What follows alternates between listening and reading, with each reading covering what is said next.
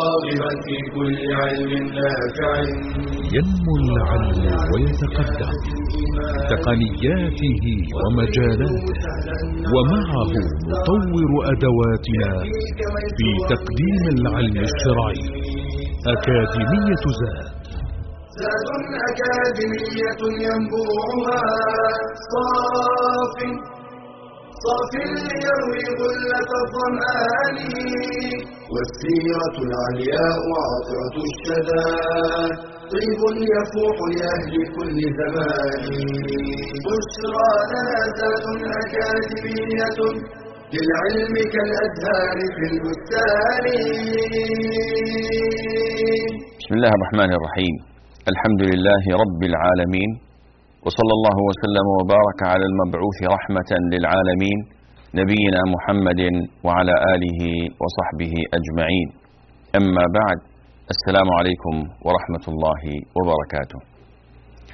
انتهى بنا المطاف في الدرس الماضي بالحديث عن غزوة الأحزاب وما دار فيها من أحداث وكيف أن النبي صلى الله عليه وآله وسلم أعلن حقبة جديدة بقوله الآن نغزوهم ولا يغزون. وحصل من الأحداث ما حصل كقضائه صلى الله عليه وآله وسلم على الخونة من الذين كانوا يريدون إفناء الإسلام والمسلمين من يهود بني قريظة. وغير ذلك من الأحداث. وننتقل اليوم إلى مدارسة حدث عظيم وعلم من أعلام سيرة النبي صلى الله عليه وآله وسلم ألا وهو ما يعرف بصلح الحديبية. والحديبية هي بئر وهذا البئر يعرف الآن بما بمكان يسمى الشميسي. وكل من يأتي إلى مكة من خارجها للعمرة أو للحج أو للزيارة لابد أن يعبر من معبر الشميسي هذا لأنه هو الذي يصل ما بين جدة ومكة وفيه نقطة التفتيش المعروفة. في الثاني من ذي القعدة من السنة السادسة أي بعد غزوة الأحزاب بسنة وشيء رأى النبي صلى الله عليه وآله وسلم أن يذهب ومن معه من المسلمين إلى مكة للعمرة. وهذه خطوة شجاعة مقدامة ولكنها غريبة. أنت بينك وبين أهل مكة من الحروب ومن المعارك ما بينكما ومع ذلك تذهب إليهم في عقر دارهم بنفسك وبمن معك من المسلمين؟ الجواب نعم. لأن النبي صلى الله عليه وآله وسلم ليس بطالب للدنيا أو للمال أو للجاه. ولو كان كذلك لأخذ كل ذلك وهو في مكة في بيته وبين أرحامه وأقربائه. لكنه طالب آخرة. فأراد أن يذهب فيعتمر. وأراد أن يثبت للعالم أجمع أنه مريد للسلام محب له. فذهب بنفسه في إحرامه هو ومن معه من المسلمين ومعهم البدن والهدي ليظهروا للعالم كله أنهم عمار وليسوا بأهل قتال ومعارك. النبي صلى الله عليه وسلم استنهض من معه من القبائل ومن أهل المدينة ومن حولها من المسلمين فهب معه ألف وأربعمائة تقريبا من المسلمين وتخلف عنه من كان فيه نفاق وقدموا له الأعذار من أعراب جهينة ومزينة وفيهم قال عز من قائل سيقول لك المخلفون من الأعراب شغلتنا أموالنا وأهلنا فاستغفر لنا. يقولون بألسنتهم ما ليس في قلوبهم. قل فمن يملك لكم من الله شيئا إن أراد بكم ضرا أو أراد بكم نفعا بل كان الله بما تعملون خبيرا. بل ظننتم أن لن ينقلب الرسول والمؤمنون إلى أهليهم أبدا وزين ذلك في قلوبكم وظننتم ظن السوء. وكنتم قوما بورا. فهؤلاء الذين تخلفوا عن النبي عليه الصلاة والسلام هم من المنافقين. وما أراد الله عز وجل بهم خيرا. وهذه قاعدة عظيمة ينبغي على كل مسلم أن يستحضرها. إن رأيت أن الله تعالى لم يوفقك لعمل الخير ولم يقذف في قلبك الرغبة إليه فاعلم أن الله تعالى لم يرد الخير بك وأن الله عز وجل هو الذي جعلك تتخلف لأن الرغبة الأساسية في قلبك لم تكن نارا مشتعلة ومتقدة. قال عز من قائل ولو أرادوا الخروج لأعدوا له عدة ولكن كره الله انبعاثهم فثبطهم وقيل اقعدوا مع القاعدين. نسأل الله لنا ولكم حسن الختام. النبي صلى الله عليه وآله وسلم أحرمه ومن معه من ذي الحليفة وكانت معهم سبعون من البدن مشعرة وعليها علامات أنها هدي لله عز وجل. وأرسل صلى الله عليه وآله وسلم كعادته بسر ابن صفوان الخزاعي من بني خزاعة عينا يتقصى له الأخبار. وقيل إنه أرسل بسر لأنه حديث عهد بإسلام فما أسلم إلا في شوال وهو من بني خزاعة عيبة نصح للنبي عليه الصلاة والسلام قبيلة على شركها وعلى كفرها لكن كانت بينهم وبين النبي عليه الصلاة والسلام مودة ونوع من الثقة على كفرهم. وسيأتي خبرها إن شاء الله عز وجل في فتح مكة وصنيع وصنيعهم مع النبي عليه الصلاة والسلام وصنيع النبي صلى الله عليه وسلم معهم. أرسل بسر بن صفوان كي يتقصى له أخبار قريش. وخرج عليه الصلاة والسلام. النبي اللهم صل وسلم عليه لم يكن الوحيد الذي يبعث العيون ليتقصى الأخبار. فقريش كذلك كانت على حذر وحيطة من أن يحدث أمرا من أن يحدث أمر كذلك. فلما جاءهم الخبر بأن النبي صلى الله عليه وسلم قد خرج من المدينة يريد مكة ثارت ثورتهم وطاشت عقولهم ولم يفكروا أبدا فيما هم على الوشك أن يفعلوه. هؤلاء قد قدموا عمارا يريدون بيت الله الحرام وهو ليس لكم. إنما هو بيت الله عز وجل. لكنهم أبوا واستكبروا وامتنعوا فأرسلوا خالدا على خيل. خالد بن الوليد رضي الله عنه وأرضاه. وكان إذ ذاك مشركا أرسلوه على خيل ليمنع النبي عليه الصلاة والسلام ومن معه من الدخول إلى مكة. الرسول اللهم صل وسلم عليه بلغهم الخبر بلغه الخبر فحاد بالمسلمين إلى طريق طريق وعرة أخرى غير الذي اعتادها المشركون والتي اعتادها المسافرون. وذلك لكي يتجنب اللقيا مع خالد وهم على إحرامهم. لما فطن خالد لذلك رجع إلى قريش وخرجت قريش كلها. لتمنع الرسول عليه الصلاة والسلام. النبي عليه الصلاة والسلام وصل إلى الشميسي. والمشركون وصلوا إلى البئر التي فيها الماء. وإذ بناقة النبي عليه الصلاة والسلام تبرك وتمتنع عن الحراك. فقال المشركون فقال المسلمون خلأت القصواء. يعني هذا من سوء خلق الدابة أنها تتعنت بهذه الطريقة. فقال عليه الصلاة والسلام ما خلأت وما ذلك لها بخلق؟ هذه دابتي أنا أعرفها. ولكن حبسها حابس الفيل. والله لا يسألوني خطة يعظمونها فيها حرمات الله إلا أعطيتهم إياها. إذا عرف النبي عليه الصلاة والسلام أن هذا الأمر بتدبير الله عز وجل وأن الله تعالى سوف يأتي بأمر ليس في الحسبان فقال بإيجابية وهذه حال القائد هذه حال الإمام الداعية الإيجابية لا السلبية. أنهم ما يسألوني خطة يعظمون فيها الله عز وجل إلا وأجبتهم آه، إليها. النبي عليه الصلاة والسلام ما كان مستعدا لهذا اللقاء. ولذلك فوجئ المسلمون بنزولهم عند بئر قليلة الماء ما لبث ونفد ماؤها. والمشركون عند البئر التي فيها الماء.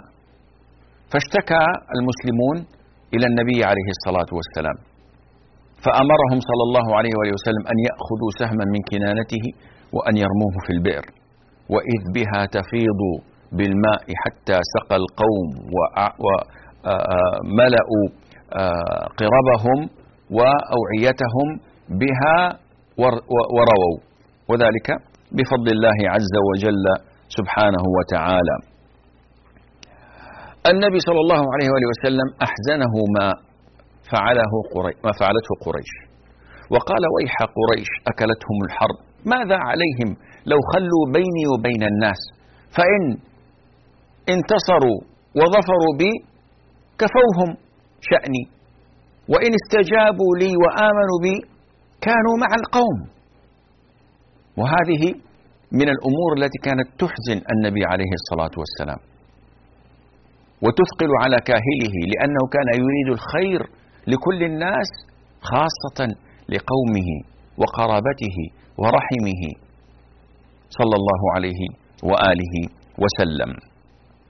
النبي عليه الصلاة والسلام كان إيجابيا فأرسل الرسل إلى قريش لكي يقنعوهم لكي يعلموهم بالنية التي جاء بها عليه الصلاة والسلام. فأرسل خراش بن أمية الخزاعي وأرسل عثمان بن عفان.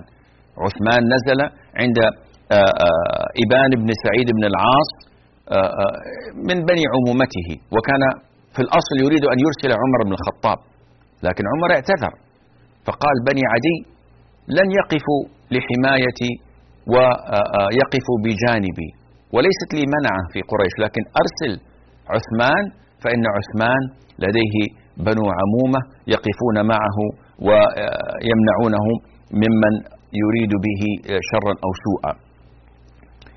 ذهب عثمان لكنه عندما ذهب قوبل بحفاوة وترحيب من بني عمومته بل إنهم عرضوا عليه وأبو سفيان بن حرب من بني عمومته عرض عليه أن يتطوف بالبيت. فأبى رضي الله عنه وأرضاه قال لا أطوف بالبيت قبل النبي عليه الصلاة والسلام. ثم إن أهل قريش حبسوه منعوه من الرجوع إما لظنهم أنه يريد أن يستقطب من أهل قريش من يرجع معه مسلما إلى المسلمين وعدوا ذلك خيانة. وإما لسبب آخر الحاصل أنهم أخروه وأبقوه عندهم. عندما أبطأ في الرجوع إلى النبي عليه الصلاة والسلام والمسلمين الرسول صلى الله عليه وسلم توجس شرا وظن كما تكلم الناس أنهم قد اغتالوا عثمان. فما الذي فعله النبي عليه الصلاة والسلام؟ هذا ما سوف نعرفه إن شاء الله عز وجل بعد الفاصل فابقوا معنا.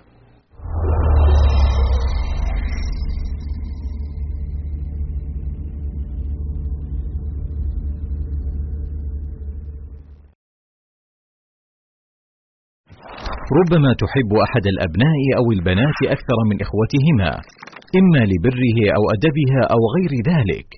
ولكن هل يجوز أن تفضل من تحب في العطية وتخصه بالهدايا دون الآخرين؟ لنستمع إلى هذه القصة التي جرت للصحابي الجليل النعمان بن بشير يقول رضي الله عنه سألت أمي أبي بعض الموهبة لي من ماله فوهبها لي فقالت لا ارضى حتى تشهد النبي صلى الله عليه وسلم فأخذ بيدي وأنا غلام فأتى بي النبي صلى الله عليه وسلم فقال له يا بشير ألك ولد سوى هذا؟ قال نعم. فقال أكلهم وهبت له مثل هذا؟ قال لا. قال فلا تشهدني اذا فإني لا أشهد على جور. ففي هذا الحديث تحذير من تفضيل أحد الأبناء على إخوته وأنه من الجور والظلم. ولم يفرق بين الذكر والأنثى وذلك لما يؤدي إليه من الكراهية والنفور بينهم. ولا حرج في الميل القلبي لأحد الأولاد دون غيره لأن ذلك أمر ليس في مقدور العبد وإنما الذي يحرم أن يفضل المحبوب على غيره بالعطايا دون سبب شرعي. فإن حصل مثل هذا التفضيل وجب رد العطية أو إعطاء الآخرين مثل أخيهم. ويجوز التفضيل بين الأولاد. إذا كانت هناك أسباب وجيهة تدعو إلى ذلك كأن يخص أحد أولاده لمرض أصابه أو فقر وحاجة ألمت به أو لاشتغاله بطلب العلم ونحوه من الفضائل. وللوالد أن يمنع العطية عمن يستعين بها على معصية الله تعالى ويعطيها لمن يستحقها.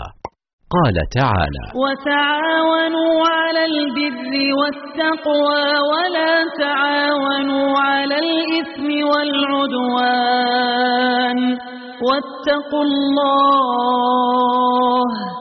إن الله شديد العقاب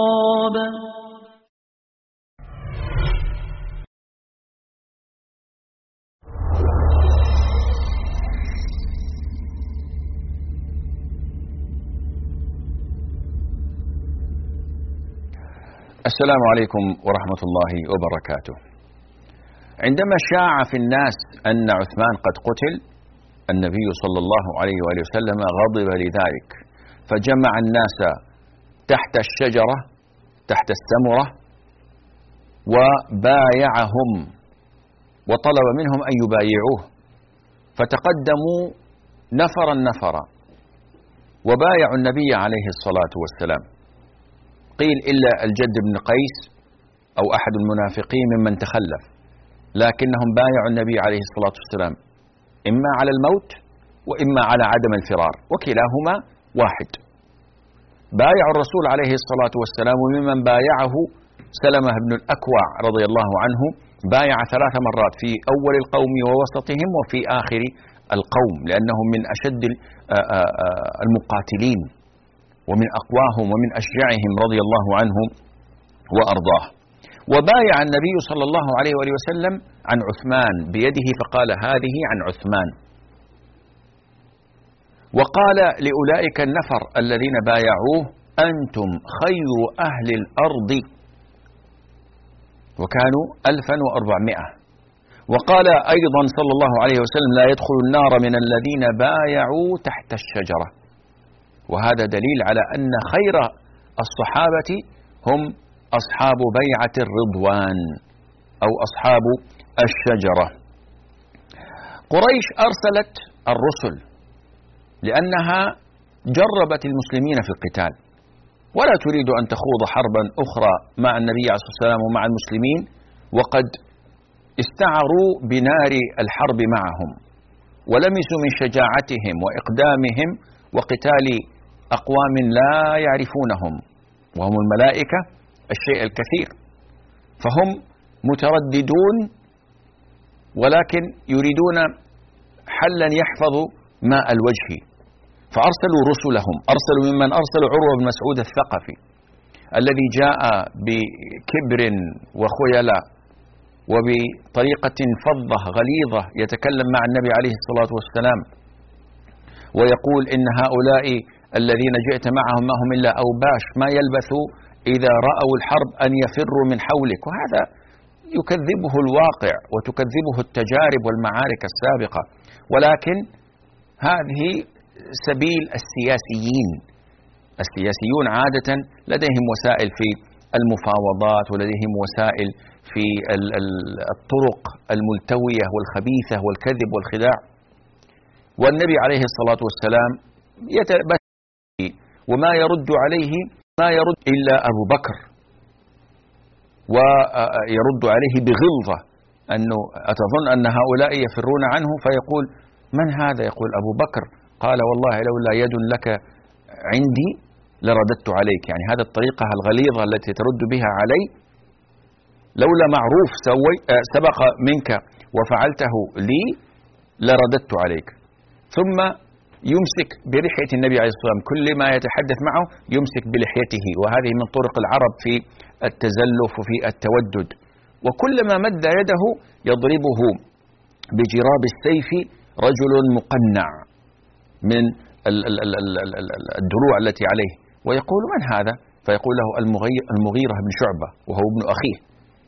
وكان قد يعني فدى ودفع ديات أقوام قتلهم في الجاهلية. فهؤلاء كلهم أعطوه الانطباع فرجع إلى قريش وقال لقد دخلت على كسرى وقيصر ودخلت على الملوك في دواوينهم والله ما وجدت أحدا يعظم أحدا مثل ما يعظم أصحاب محمد, أصحاب محمد محمدا صلى الله عليه وآله وسلم. وأرسلوا بعد ذلك الحليس ابن علقمة الكناني. وهو من الأحابيش وفيه شيء من التعبد والزهد. فأمر الرسول عليه الصلاة والسلام الصحابة بإظهار البدن. فلما رأى البدن والهدي مشعرة رجع إلى قومه فقال والله ما أرى هؤلاء إلا عمارا وما أرى أن يردوا عن البيت الحرام. وهذا فيه دليل على أن القائد يستخدم الوسائل المتاحة بلا تدليس ولا كذب ولا خداع في نصرة قضيته. فالرسول عليه الصلاة والسلام أمرهم بإبراز وإظهار البدن لمعرفته بنفسية ذاك الرجل. ثم أرسلوا مكرز بن حفص وسهيل بن عمرو. وسهيل عندما رآه النبي عليه الصلاة والسلام قال سهل أمركم. وعرف أنه ما أنهم ما أرسلوا سهيل إلا للتفاوض وللصلح.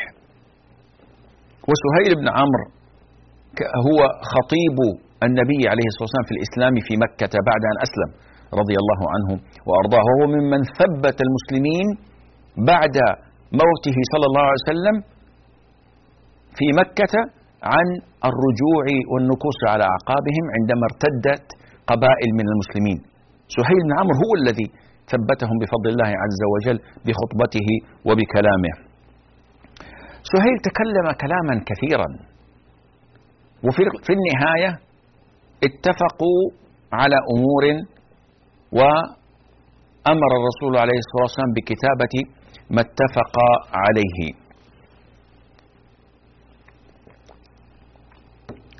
لما أتي بالكتاب وكان علي هو الذي يكتب قال الرسول عليه وسلم اكتب بسم الله الرحمن الرحيم. قال ما ندري ما الرحمن ولكن اكتب باسمك اللهم.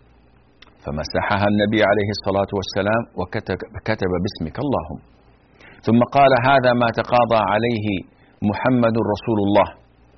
فقال لو آمنت واعتقدت وصدقت بأنك رسول الله ما خالفتك. ولكن اكتب هذا ما تقاضى عليه محمد بن عبد الله.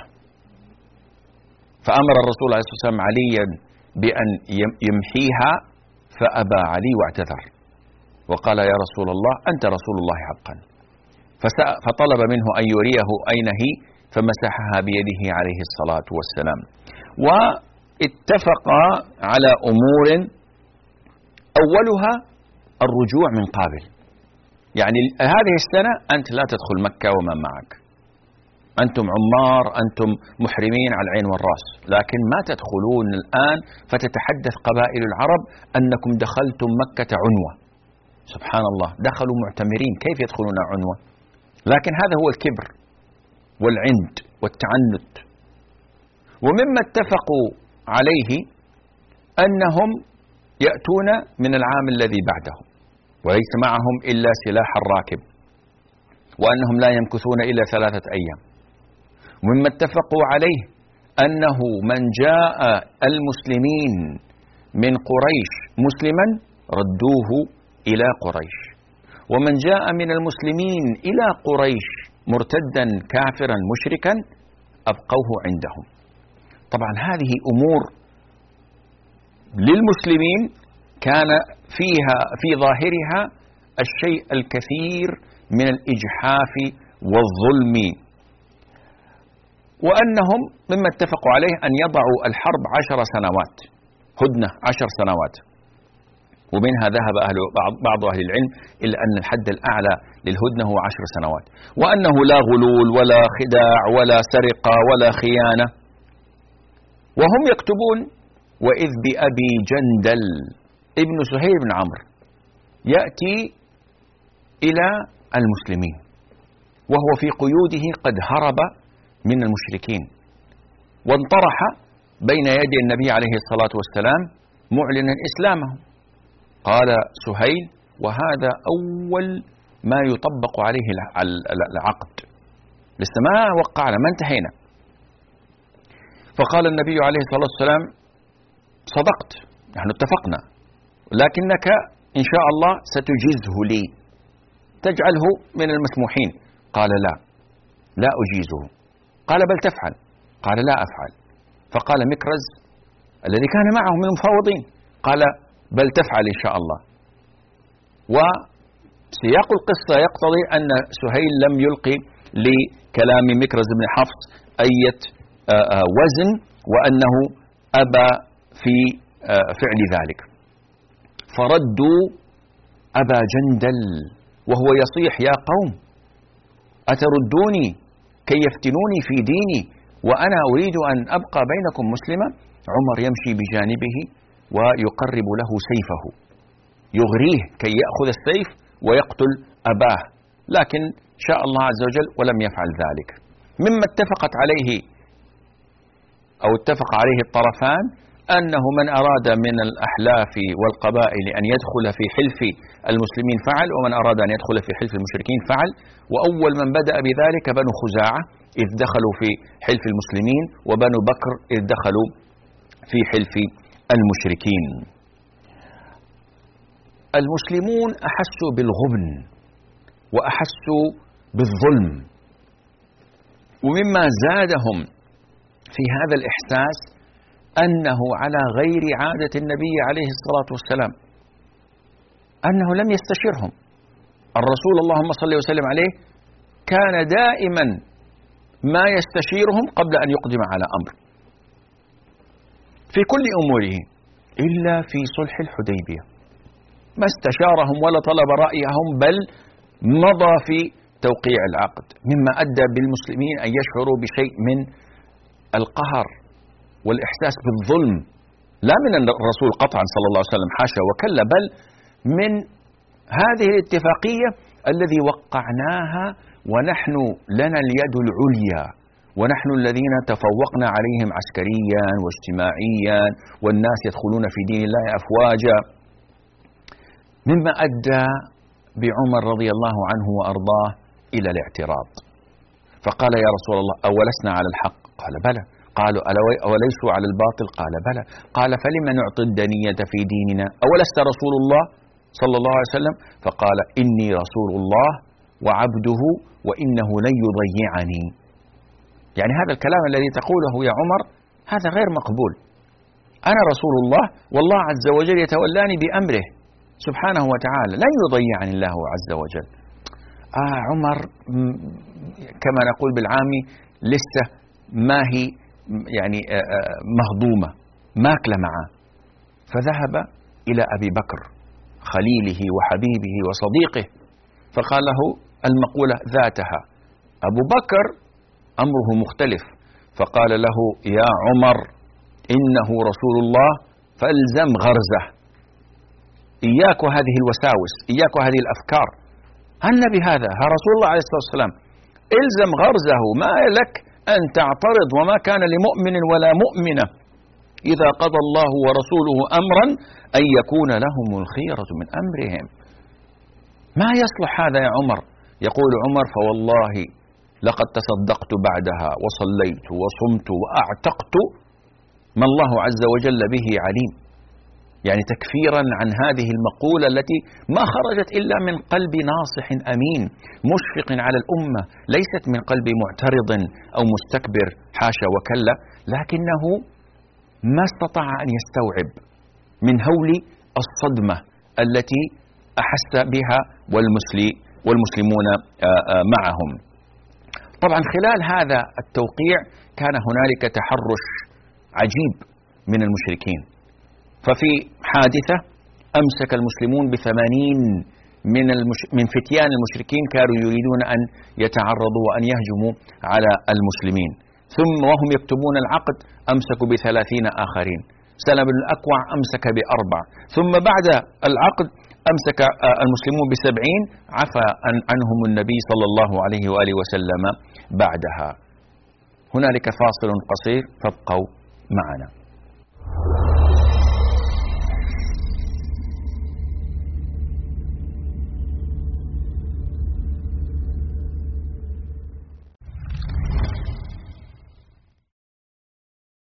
لقد شرع الله الدين للناس رجالا ونساء ووعد الجميع الجنة والحياة الطيبة إذا قام بواجبه.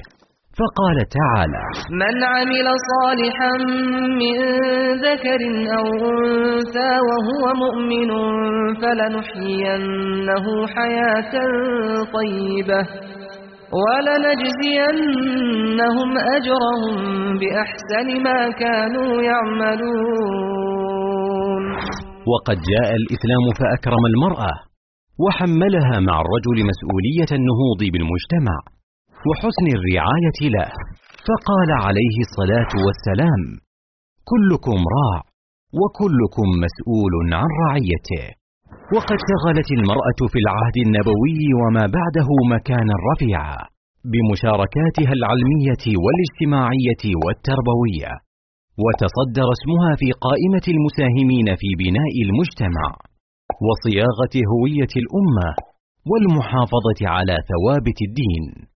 ولا زال التاريخ يذكر أم المؤمنين خديجة وأم المؤمنين عائشة ونسيبة بنت كعب وأم حرام بنت ملحان وحفصة بنت سيرين وفاطمة بنت عبد الملك وزبيدة بنت جعفر وغيرهن رضي الله عنهن ورحمهن. ومن هنا كان للمرأة المسلمة دورها المهم والخطير في صياغة المجتمع مما أكسبها قيمة واعتبارا واحتراما لا مثيل له في المجتمعات الأخرى كما اعترف بذلك المنصفون من الغربيين وبأنهم إنما تعلموا احترام المرأة من مسلمي الأندلس.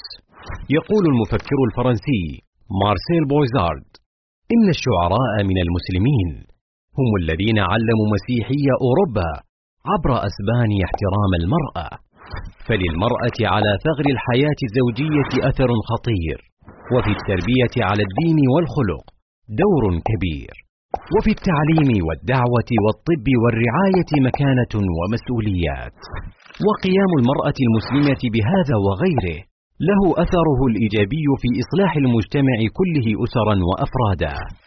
وصدق عليه الصلاة والسلام حين قال إنما النساء شقائق الرجال.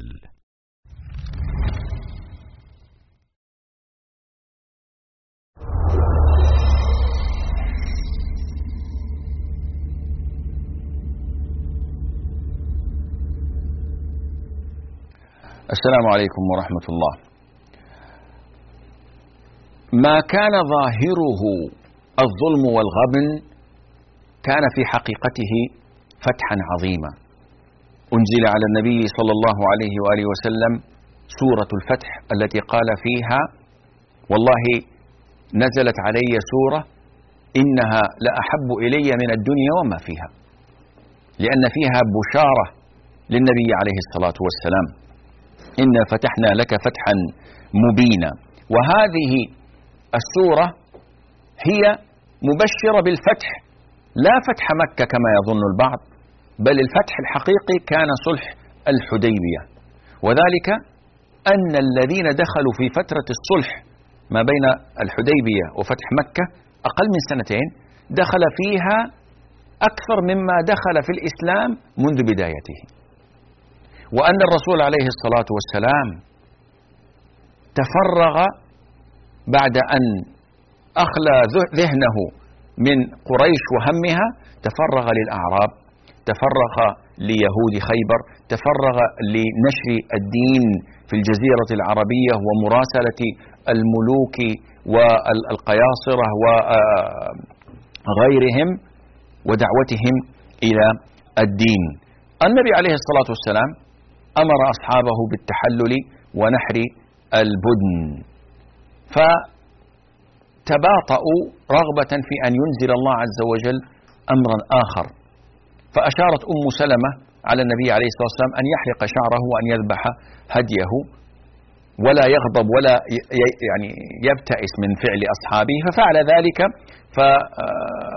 فامتثل أصحابه فورا لأمر الرسول عليه الصلاة والسلام حتى كاد أن يقتل بعضهم بعضا وهم يحلقون لأنفسهم ولبعضهم البعض. وفيه حكم الإحصار وأن من أحصر عن إتمام عمرته أو نسكه فإن له أن يحلق شعره ويذبح هديه مكان ما هو فيه. الصحابة أقاموا بالحديبية عشرين يوما ثم عادوا إلى المدينة وفيه أي في القصة يعني حكم وعبر وفوائد عديدة ذكرها ابن القيم رحمه الله في زاد المعاد وغيره من أهل العلم فتراجع هناك. هنالك عدد من المعجزات كتكثير الماء كتكثير الطعام.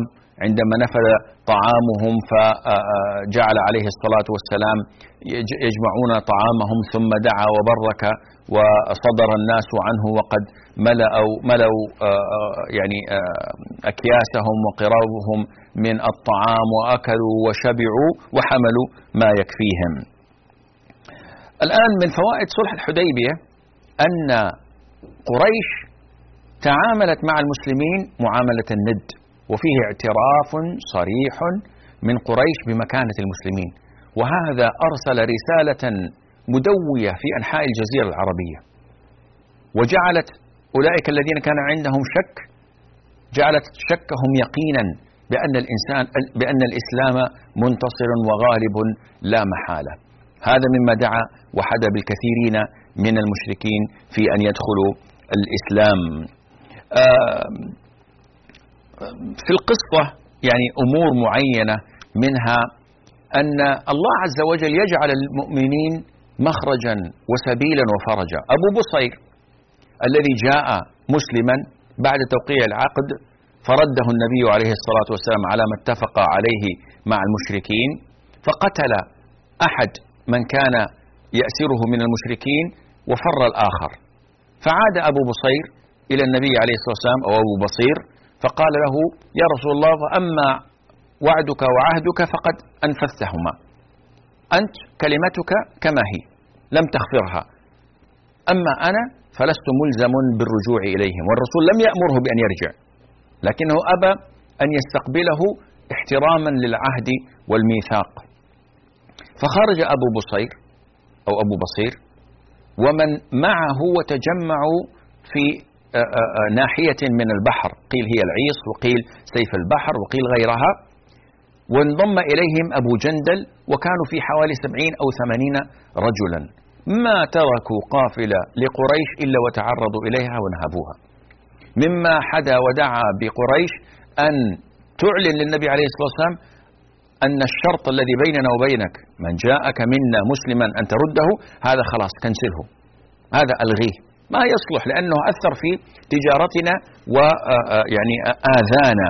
وهذا من بركة دعوة النبي عليه الصلاة والسلام عندما رأى أبا بصير فقال ويل أمه مسعر حرب لو كان معه رجال. ففهم المسلمون التشجيع على الانضمام إليه لمن دخل تحت بنود العقد في أن يرجعهم الرسول عليه الصلاة والسلام إلى المشركين. أسلم في هذه الفترة خالد بن وليد وعمر بن العاص رضي الله عنهما والظاهر أن كثرة المسلمين ويعني التحاق المشركين بالإسلام دعا بقريش أن تيأس. فلم ترسل في طلب خالد ولم ترسل في طلب عمرو الذي هو عمرو بن العاص المعروف الذي كان رسول قريش إلى النجاشي وقصتها آه، آه، معروفة. لديكم وقد سبق وأن تدارسناها وذكرناها. طبعا في ثلاث أمور يعني بارزة حصلت بعد ذلك. فهنالك مثلا غزوة ذات القرد وهي غزوة عجيبة. قصتها ربما تستغرق يعني حصة كاملة وهذا ليس بالإمكان للأسف الشديد. خلاصتها أن عبد الرحمن الفزاري بعث آه، آه، مجموعة من اللصوص فسطوا على آه، إبل الصدقة وقتلوا الراعي واستاقوها وذهبوا. وفطن إليهم خير رجلة المسلمين الرجالة اللي على رجولهم وهو سلم بن الأكوع. فطاردهم طيلة اليوم من الفجر إلى المغرب على رجليه وهو يرميهم بأسهمه فإن تضايق بهم الوادي صعد إلى الجبال ورماهم بالحجارة. حتى ألقوا كل ما في أيديهم من سرح وإبل ورماح ومتاع ليتخففوا ويهربوا. يعني تخيل قوة هذا الرجل البدنية وهو يركض وراهم خلفهم من وراء من, من, من الفجر إلى المغرب. يعني هذا فين عدائي الماراثون الأحباش كما يقولون هم أسرع الناس في, في الجري وقواهم على التحمل. هذا يوم كامل واستنقذ منهم كل شيء. وقضى على من قضى منهم وأصاب من أصاب منهم. اليوم يوم الرضع. خذها وأنا ابن الأكوع. يقول يرتجز.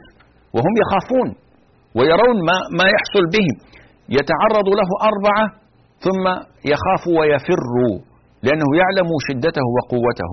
وهو على رجليه رضي الله عنه وأرضاه. حتى إذا استنقذ كل متاع النبي عليه الصلاة والسلام وسرحه وإبل الصدقة وكان يضع علامة حتى يعرفها النبي عليه الصلاة والسلام وأصحابه إذا أتوا أن هذا مما استنقذه سلمة. فلما وصل آآ آآ وصلت خيل الله وأول من كان فيهم الأخرم الأسدي أراد أن يلحق بهم فقال له سلمة ترى يعني القوم يعني فيهم شدة.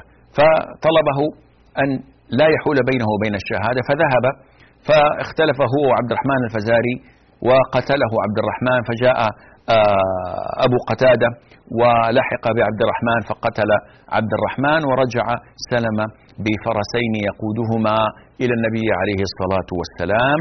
والرسول يبتسم ويفرح ويبش في وجه سلمة. وقال سلمة يا رسول الله انتدب ثلاثين من المسلمين فنغير على غطفان فنقضي عليهم كلهم. وهو قول وفعل. والرسول صلى الله عليه وسلم يقول له الكلمة المعروفة يا سلمة ملكت فاسجح. ثم قصة رجوعهم إلى المدينة في اليوم التالي. وكيف أن رجلا يقول هل من مسابق هل من منازل؟ فيتبرع سلمة الذي أمضى يومه أمس بالكامل وهو على رجليه مسافة بعيدة يسابق الخيل ويسابق الإبل. فيسابق هذا الرجل ويسبقه إلى المدينة.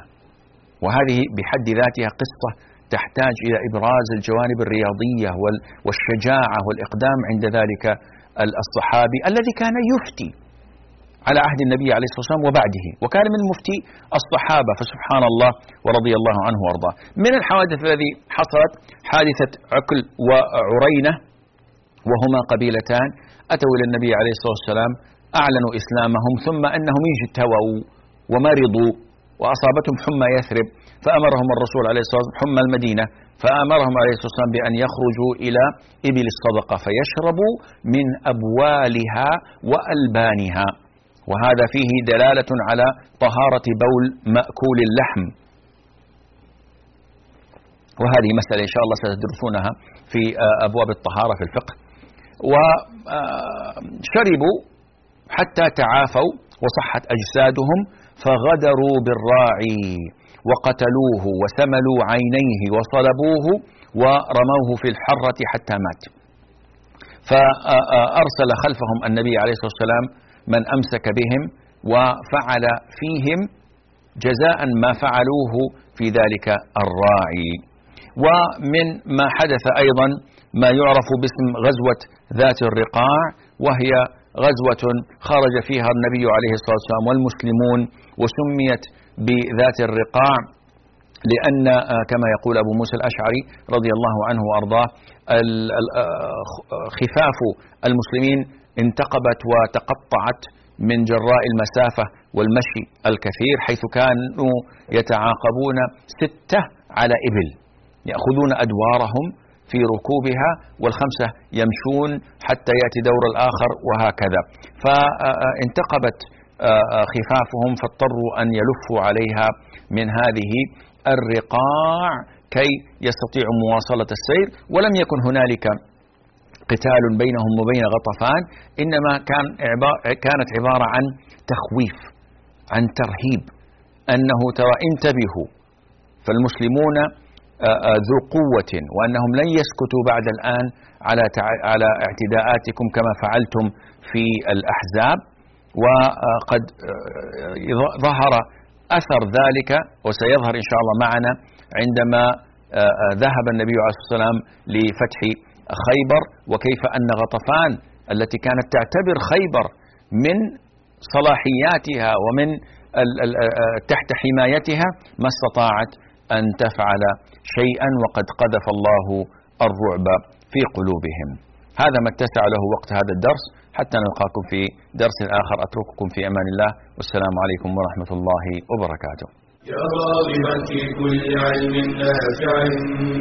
متطلعا لزيادة الإيمان. وتريد سهلا النوال ميسرا. يأتيك ميسورا بأي مكان. زاد زاد أكاديمية ينبوعها. صاف صاف ليروي غلة الظمآن. والسيرة العلياء عطرة الشذا طيب يفوح لأهل كل زمان. بشرى لنا زاد أكاديمية للعلم كالأزهار في البستان.